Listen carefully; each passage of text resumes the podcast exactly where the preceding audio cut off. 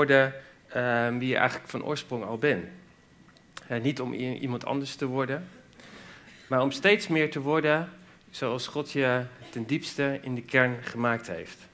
En ja, daarvoor is het nodig dat we, dat we groeien. Kijk, God, eh, God noemt ons uh, bij onze naam, hè, bij, bij onze identiteit. Hij, hij, weet alles, hij ziet alles. Hij weet wie we zijn. Um, en waar we ook naartoe onderweg mogen zijn, waar we naartoe mogen groeien.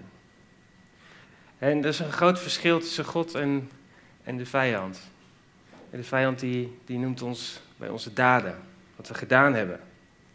En daar scheelt hij ons ook uh, voor uit. Hè? Dus als je misschien niet helemaal goed bent uh, omgegaan met de waarheid in een bepaalde situatie, dan uh, kan het zomaar zijn dat hij jou leugenaar noemt. En dat soort labels die kunnen ook blijven plakken in ons hart en in ons denken. Um, en dat zijn labels die eigenlijk niks zeggen over wie we ten diepste zijn. En die helpen ook totaal niet om te worden wie we van oorsprong mogen zijn. Nou, van de zomer uh, was ik in Italië en uh, we moesten op een gegeven moment uh, van de snelweg af omdat er een, uh, een wegomleiding was. En toen reden we in, in het gebied in Toscane bij Carrara. Ik weet niet of je dat kent, maar er zijn hele grote marmergroeves. En we reden langs allerlei terreinen waar dan van enorme blokken marmer staan. En um, ja, het is altijd grappig hè, van wat, wat zou er van zo'n marmerblok worden.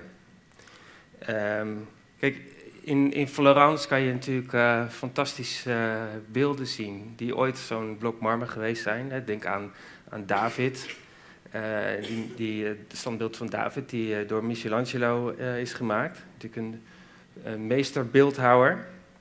En daar heb ik ook een, een plaatje bij. Kijk, dit is de dit zijn van die marmergroeves waar hele grote blokken uitgehaald worden. En dit is het standbeeld van David, wat je in, uh, in Florence dus, kan zien. Maar zo'n zo blok marmer, um, dat wordt een prachtig beeld in de hand van een, um, van een, een, meester, zoals Michelangelo.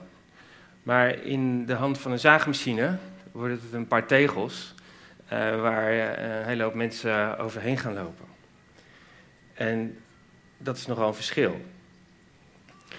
Maar in, in, zo'n, in dat beeld zit eigenlijk ook het beeld van persoonlijke verandering. het begint met een groot blok. En een uh, meeste beeldhouwer die zal in elk blok marmer zal die zien van hé, hey, wat voor beeld kan ik hier uithalen? En um, is, er, is er ruimte voor een weidepoos of, of, uh, of, of juist niet? Wat voor blok heb ik nodig voor het beeld wat ik wil maken? En zo kijkt God eigenlijk ook naar ons. En um, een, een, groot blok marmer waar, waar, waar steeds meer eigenlijk afgehouden wordt, zodat steeds duidelijker de vorm zichtbaar wordt. En um, zijn woorden zijn eigenlijk als de, als de bijtel en de zaag en de boor van de beeldhouwer. En als we Gods woorden ontvangen, um, dan uh, is dat, is dat als, het, als het ware als er weer een, een, een stukje uh, vorm krijgt in ons leven. dat is eigenlijk ook precies wat we, waar we een begin mee maken als we kinderen opdragen. Als we Gods woorden over hen uitspreken. Um, dan, dan, dan krijgt, het, krijgt dingen vorm. Gods woorden hebben kracht. En nou, dat is precies waar ik vanochtend um, met jullie naar wil kijken. Dat is ook een principe wat we terugvinden in de Bijbel. En Paulus die schrijft er onder andere over. In Efeze 5, vers 25 en 27 tot 27, er staat: Mannen, heb uw vrouw lief zoals Christus de kerk heeft liefgehad en zich voor haar heeft prijsgegeven. Om haar te heiligen, haar te reinigen met het water en woorden. En om haar in al haar luister bij zich te nemen, zodat ze zonder vlek of rimpel of iets dergelijks zal zijn. Heilig en zuiver. Nou, als je dat in uh, andere vertaling leest, de basisbijbel, dan staat daar... Hij heeft de gemeente schoongewassen door haar te baden in het woord. En even kijken. De herziende statenvertaling die zegt daarvan door haar te reinigen met het waterbad door het woord. En Jezus verlangt naar persoonlijke verandering van de gemeente.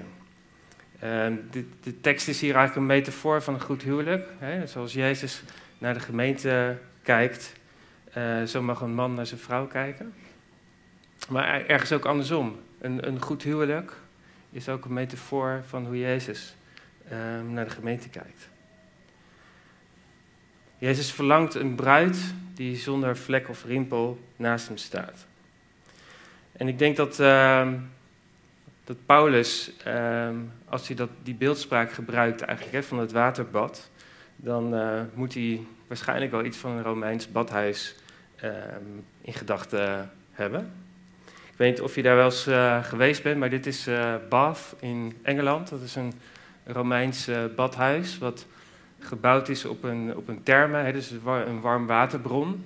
En uh, ze hebben allerlei ingenieuze systemen, dat, uh, dat ze zelfs een soort met van vloerverwarming hebben. Dus dat, dat warme water dat stroomt daar overal tussendoor. En um, het is ook bekend van de Romeinen dat, uh, dat ze nogal last kregen van hun gewrichten in het koude, natte Engeland.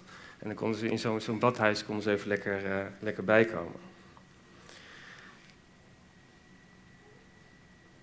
Maar voordat we hier wat verder over nadenken, wil ik jullie um, meenemen naar het volk Israël, wat door de woestijn trok.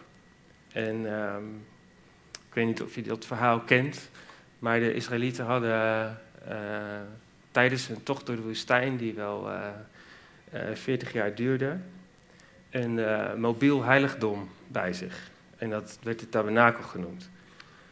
Nou weet ik jullie dat eventjes laten zien hoe dat er ongeveer uitzag. En dat, dat heiligdom, um, daar, daar, daar, had God allerlei symboliek in geplaatst. En die symboliek die ging eigenlijk over van, hé, hey, hoe kunnen we nou tot God naderen? Nou, laat ik beginnen met wat te tekenen. Oh, nou, dat is toch jammer. Net op het moment dat je wil beginnen. Maar dan verbinden we even opnieuw.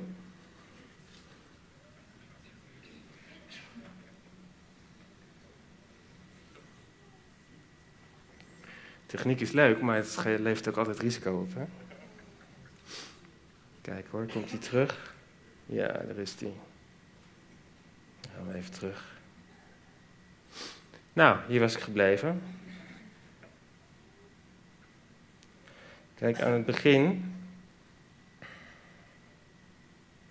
Daar stond een, er stond een altaar.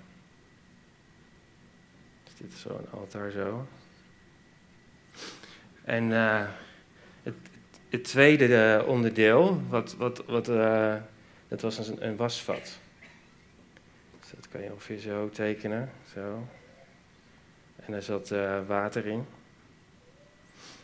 En op een gegeven moment stond daar ook een, een soort reukofferaltaar. Dat was een beetje vierkant ding zo. En um, daarna was er, was er een tent.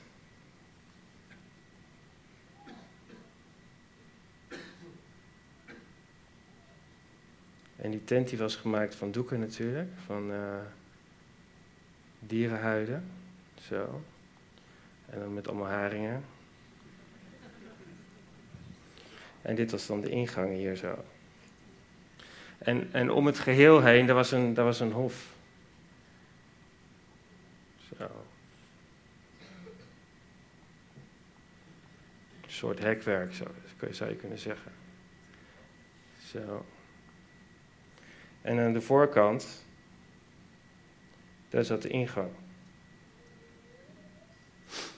Nou, als, de, als de priesters dus um, naar het heiligdom wilden, dan moesten ze dus eerst langs het altaar. En het altaar was uh, bedoeld om daar dieren te slachten. En daar vloeide bloed.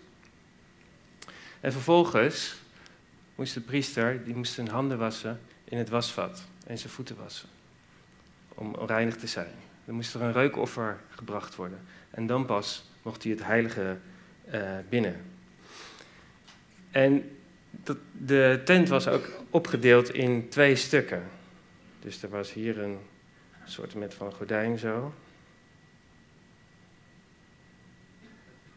Zo, dat is 3D, hè? en het, het eerste deel, dat was het heilige. En het tweede deel was het heilige der heiligen. En dat was de, dat was de woonplaats van God.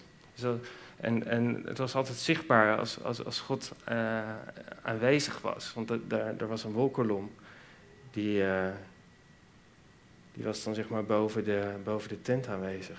Zo. Ik kan niet streepjes doorheen hebben. Dus als, als de priester um, één keer per jaar het heilige der heiligen betrad, dan moest hij dat, dat, dat, hele ritueel door. Dus eerst een offer brengen, hij moest bloed voeien, hij moest zijn handen wassen, moest zijn voeten wassen, hij moest uh, een reukwerk, reukwerk brengen en dan kon hij het heilige in. En uh, vervolgens moest hij dan ook bloed meenemen en dat sprenkelen op, uh, op het verzoendeksel van de ark die in het heilige der heiligen stond. En dat, dat bloed, dat, uh, ja, dat, stelde eigenlijk de, straf op de zonde een jaar uit. Zo, zo moeten we dat eigenlijk zien. Nou, waarom, waarom laat ik jullie dat nou zien? Kijk, dat Jezus gestorven is voor onze zonde en dat zijn bloed uh, gevloeid heeft, dat hebben we denk ik best wel helder met elkaar. In ieder geval als je hier al wat langer komt. Um, maar bloed is dus voor zonde, om vergeving te ontvangen. Maar waar is dat water dan voor nodig?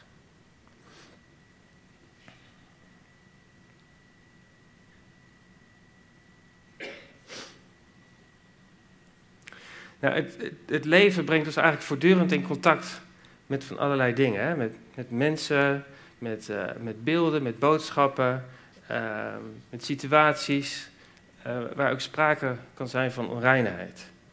We, we komen van alles tegen.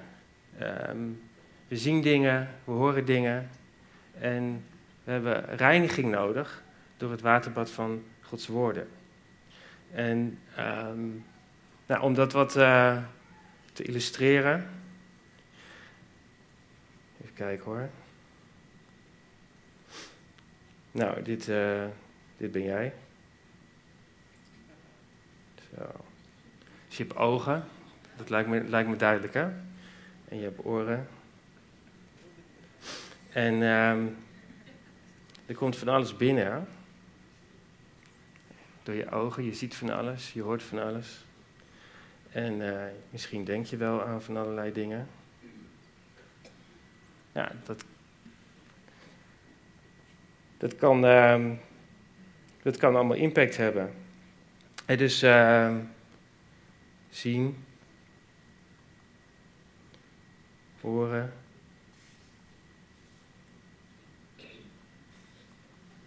Dus een R? Denken. Laatst, uh, ja, is eigenlijk al een tijdje geleden, uh, had iemand uh, kritiek op mij. Ja, dat kan je natuurlijk helemaal niet voorstellen. Maar het was toch echt zo? maar weet je, ik kan op zich best wel tegen kritiek, denk ik. Maar als het niet waar is, dan gaat het jeuken, weet je wel. Dat, uh, dat, dat klopt niet. Maar ik kon wel horen in dat in die kritiek zeg maar wel wat zat van... ja, oké, je hebt op zich wel een punt. Maar op een gegeven moment, als je dan een beetje gezonde zelfevaluatie doet... dan, dan filter je dat uit van nou, wat is nou waar en wat, wat, wat mag ik eigenlijk gewoon van mijn rug af laten glijden. En ik had het gevoel van, nou weet je, dit blijft gewoon hangen. Dit is, dat klopt niet. En soms kan je, hè, ook als kritiek goed bedoeld is, of uh, kan je toch op een bepaalde manier als het ware gevangen raken in woorden van anderen. En dan heb je eigenlijk nieuwe woorden nodig die uh, licht geven op de zaak. En um, nou, ik was toen op een gegeven moment aan, aan het lezen in, uh, in Timotheus. En uh, nou ja, daar uh, schrijft Paulus van alles aan een, jonge leider. Onder andere ook dat bepaalde mensen soms ook wel eens wat onzin zeggen. Waar je niet zo heel veel mee, mee, mee hoeft te doen. En um, niet dat ik dat nou heel erg letterlijk nam, maar na, eigenlijk na, na het lezen van dat stuk was eigenlijk gewoon dat drukkende gevoel was gewoon weg. Toen dacht ik van, hé, hey, wat gebeurt er hier nou eigenlijk? Um, Nou, ik denk wat er eigenlijk gebeurde, is dat, dat Jezus zeg maar, mijn, mijn denken gereinigd heeft met zijn woord. En dat is precies uh, waar die tekst die we net lazen eigenlijk ook over gaat. Jezus wil ons reinigen in het waterbad van zijn woord. En um, als ik dit plaatje even wat verder teken. Um, we zien van alles, we horen van alles. Maar dat betekent nog niet dat we daar per se ook schuld aan hebben. Want als we dingen zien, betekent nog niet altijd dat we ook kijken. als er bijvoorbeeld onreine dingen langskomen op tv, dan heb je een keuze. Je kan, je kan het uitzetten. Of je kiest om te kijken.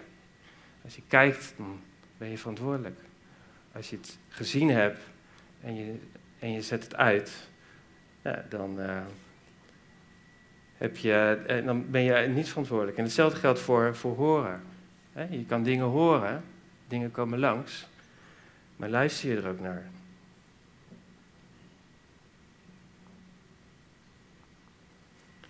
En hetzelfde geldt eigenlijk voor, uh, voor denken. Daar zou je doen bij kunnen zetten. Dus als we het dan hebben over aan de ene kant dat Jezus gestorven is en dat zijn bloed ons reinigt, dan is, uh, is het het bloed, dat is voor wat wij verkeerd gedaan hebben. En het water, dat is om, om ons te reinigen van alles wat op ons afkomt, waar we geen verantwoordelijkheid in hebben. Jezus wil ons reinigen in het, in het waterbad van ons woord. En soms kan de vijand ons ook aanklagen over dat wat we gezien, gehoord of gedacht hebben. En uh, ik weet niet of je dat wel eens geprobeerd hebt, maar als je dat dan gaat beleiden, dan, uh, dan helpt dat niet echt. Want we hebben dan niet vergeving nodig met het bloed van Jezus, maar we hebben reiniging van zijn woord nodig. En dat is eigenlijk ook wel heel bijzonder. Ik bedoel, met Goede Vrijdag zullen we daar ook op, opnieuw uh, over nadenken. Maar wat gebeurde er toen Jezus stierf aan het kruis. Toen kwam er een, uh, een Romeinse soldaat. En die wilde, die wilde weten of Jezus uh, dood was. Of hij echt uh, al, al dood was. Want de moordenaars die naast hem gekruisigd werden, die leefden nog. En toen stak hij een, een speer in zijn zij. En wat kwam er uit zijn zij? Is er iemand die dat weet? Water en bloed, precies. En daar zit diezelfde symboliek in. Even kijken hoor.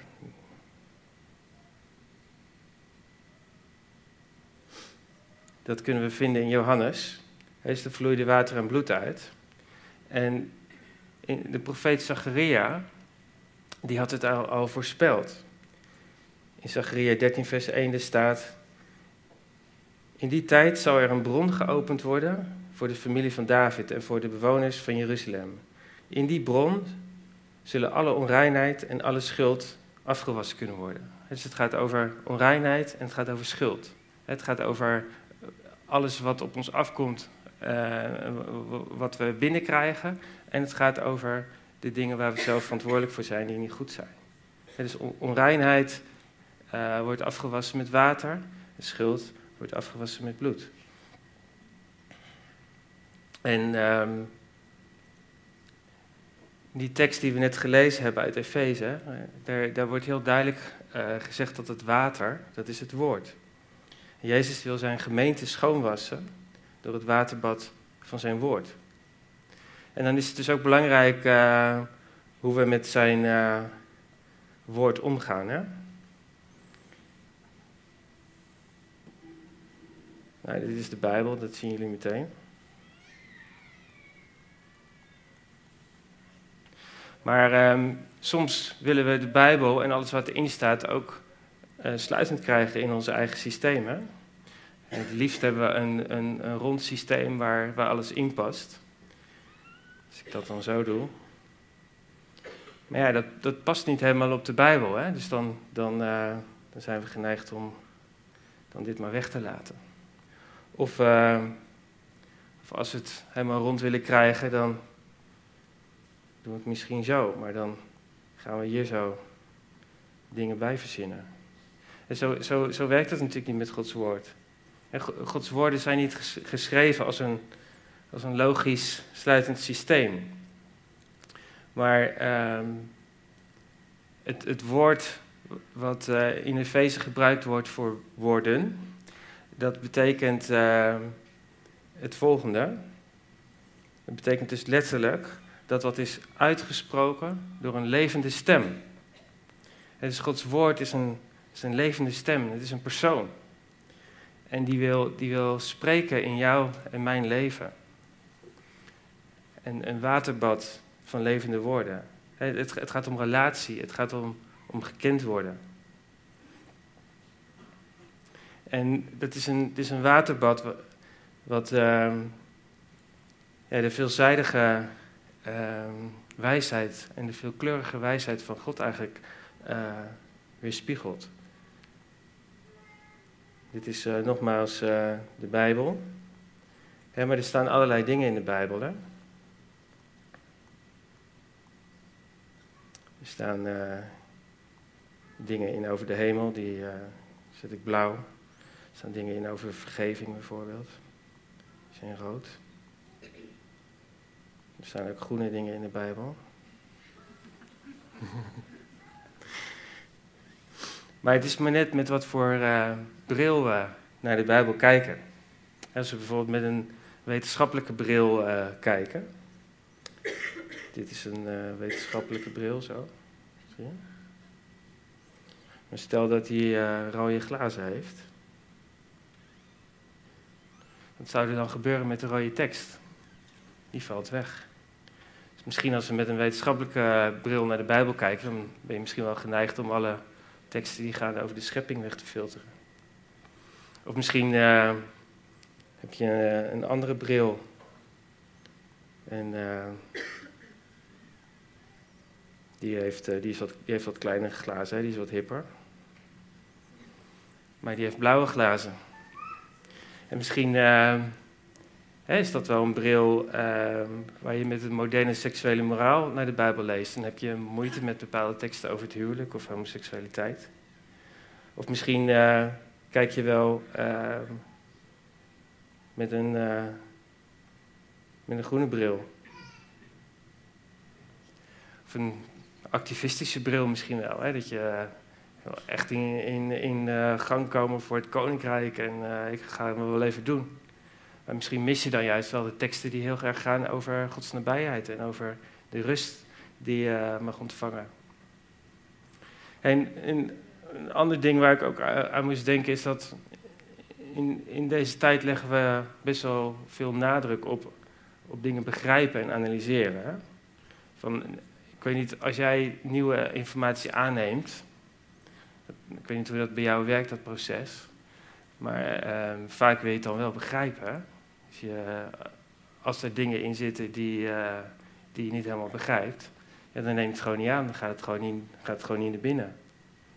dus, dus begrip is dan een voorwaarde voor aannemen. Maar ja, als we zo, als we zo naar de Bijbel kijken, uh, God wil eigenlijk vaak eerst ons hart veranderen. En dan komt ons denken mee. Dus die volgorde zit dan wat andersom. Um, Gods woord, het is een levende stem die tot jouw hart wil spreken. Het is Gods veelkleurige wijsheid waar uh, allerlei dingen in zitten. En soms lijken die misschien wel tegenstrijdig. Maar uh, Gods woord zegt tegen de luiheid bijvoorbeeld, hè, in spreuken, dat hij een tandje harder moet werken. En tegen de overwerkte controlfreak van joh, maak je geen zorgen.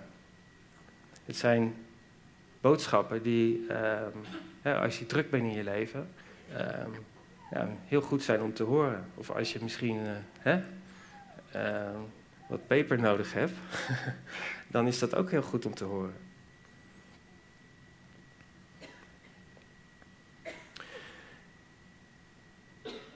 En Gods woord wil eigenlijk uh, in ons hart eigenlijk uh, Gods waarheid leggen. In uh, Hebreeën, daar staat de volgende tekst. De Heer zegt, dit is het verbond dat ik met hen zal slijten. Ik zal mijn wet in hun binnenste schrijven, in hun hart en in hun verstand. Dus daar komen die twee dan uh, in balans. dus uh, dit zijn wij weer, hè. Maar hier hebben we natuurlijk allemaal een heel groot hart.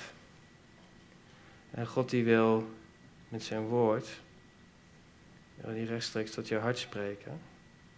En rechtstreeks tot jouw denken. Maar hoe doen we dat nu? Dat waterbad van Gods woorden, hoe, hoe werkt dat? He, als we in in een wereld leven waar allerlei onreinheid is, waar je je misschien ook wel vies kan voelen op een bepaalde manier. En in ieder geval helemaal niet zonder vlek of rimpel. Nou, stel dat dit een, uh, een bak water is. Of eigenlijk een bak uh, met uh, modder. Dat is allemaal vies, bagger. En jij bent een, een kopje. Met een mooi oortje eraan. Hoe, hoe blijf je dan schoon? Hè? We zijn allemaal als het ware ondergedompeld in, in deze tijd. En uh, ja, we zijn ook kinderen van onze tijd. We krijgen van alles mee uh, wat, uh, wat onrein is. Nou, Gods woord wil eigenlijk zijn als een, eh, als een kraan in je leven. Het is heel duidelijk een kraan, hè? Zo. Gods woorden hier zo, de Bijbel.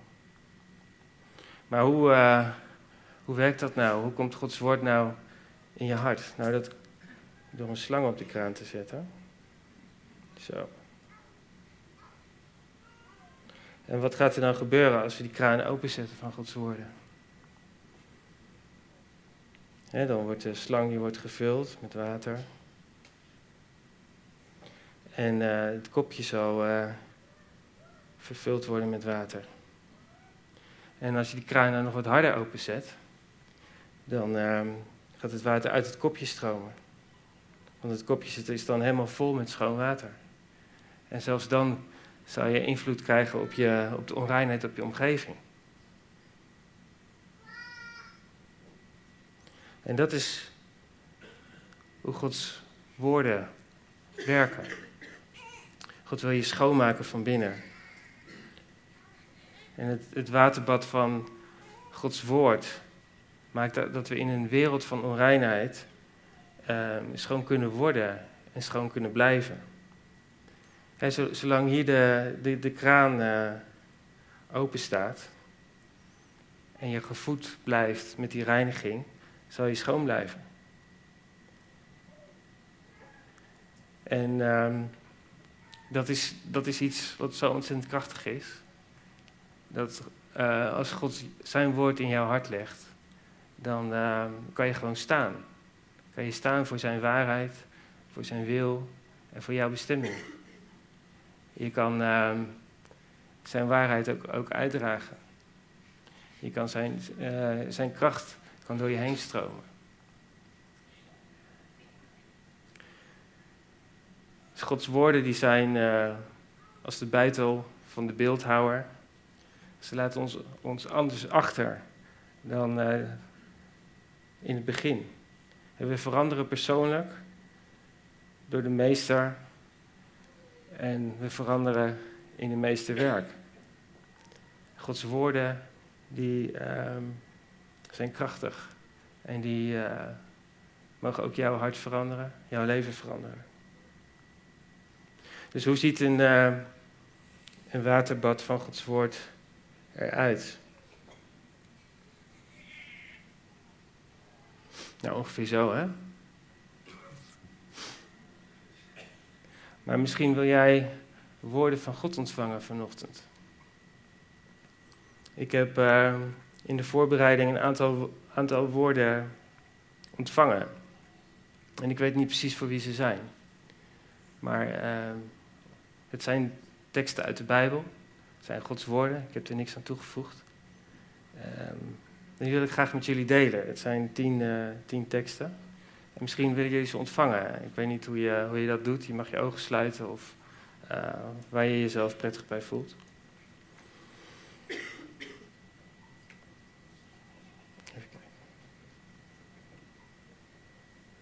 De eerste is, toen ik u om hulp riep, hebt u mij geantwoord. U heeft mij weer moed en kracht gegeven. Dus is er geen veroordeling voor hen die in Christus Jezus zijn. De Heer zal voor jullie strijden. Wees maar rustig. Jullie hoeven zelf niets te doen. Kom bij mij en luister. Als je luistert, zul je leven.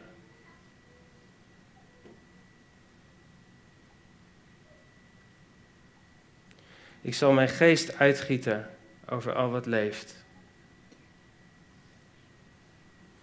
Gooi alles waar je je zorgen over maakt, maar in Gods handen, want Hij zorgt voor je. Ik ben de weg en de waarheid en het leven. Niemand komt tot de Vader dan door mij.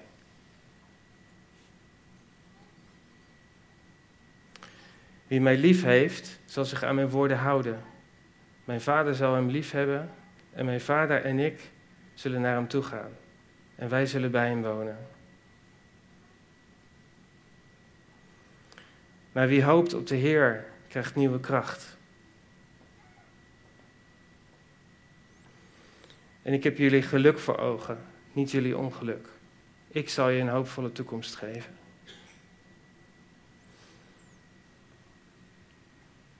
Nou, dit is een waterbad van Gods woord, waar je uh, in onder kan dompelen.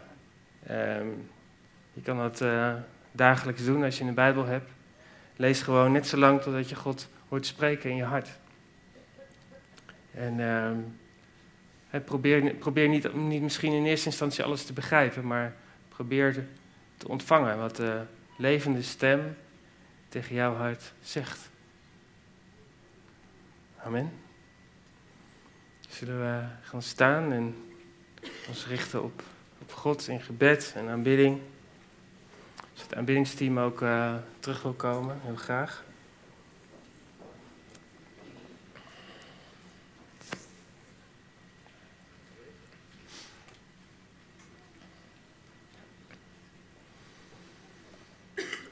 Kom, Heilige Geest.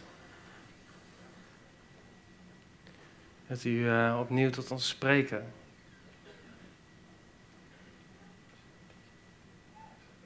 Dat u uw levende woord in ons hart planten.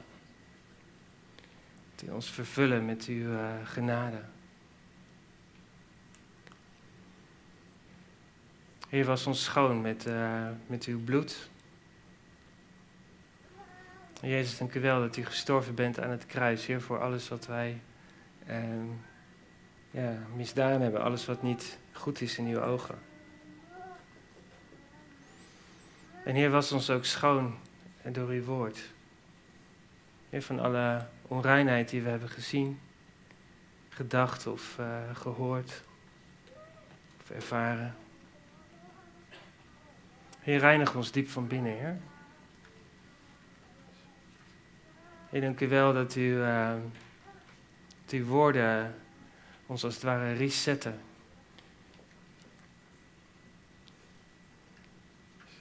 En vader, ik bid dat u uh, nu op dit moment ons uw woorden zendt, Heer.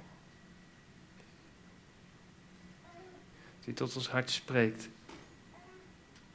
Dat u ons uh, onderdompelt in uw liefdevolle woorden van uw veelkleurige wijsheid. En Heer, help ons om ze te horen en te ontvangen, te koesteren en ze te gehoorzamen. In Jezus' naam.